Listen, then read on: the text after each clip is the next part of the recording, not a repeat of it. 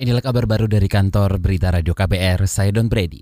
Kinerja ekspor manufaktur Indonesia belum terdampak penyebaran virus corona. Meski begitu, Menteri Perdagangan Agus Suparmanto mengakui impor dan ekspor dari dan ke Cina turun karena pergerakan orang. Agus menyebut dari situasi itu ada peluang besar bagi Indonesia meningkatkan ekspor sebagai pengganti produk dari Cina.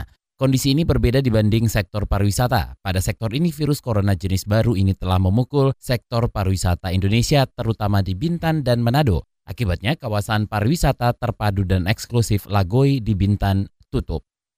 Dari berita olahraga, saudara perjuangan tim bulu tangkis putri Indonesia terhenti di babak perempat final pada kejuaraan bulu tangkis bergu Asia 2020. Dalam pertandingan yang berlangsung di Rizal Memorial Coliseum Filipina itu, tim Merah Putih dihajar Jepang 0-3 di laga pertama tunggal putri Gregoria Mariska Tunjung gagal membendung tunggal Jepang Akane Yamaguchi dua set langsung. Kekalahan juga diikuti tunggal Indonesia lainnya Ruseli Hartawan yang melawan Sayaka Takahashi di laga ketiga.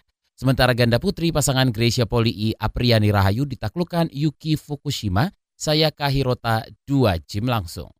Demikian kabar baru dari kantor Berita Radio KBR. Saya Don Brady.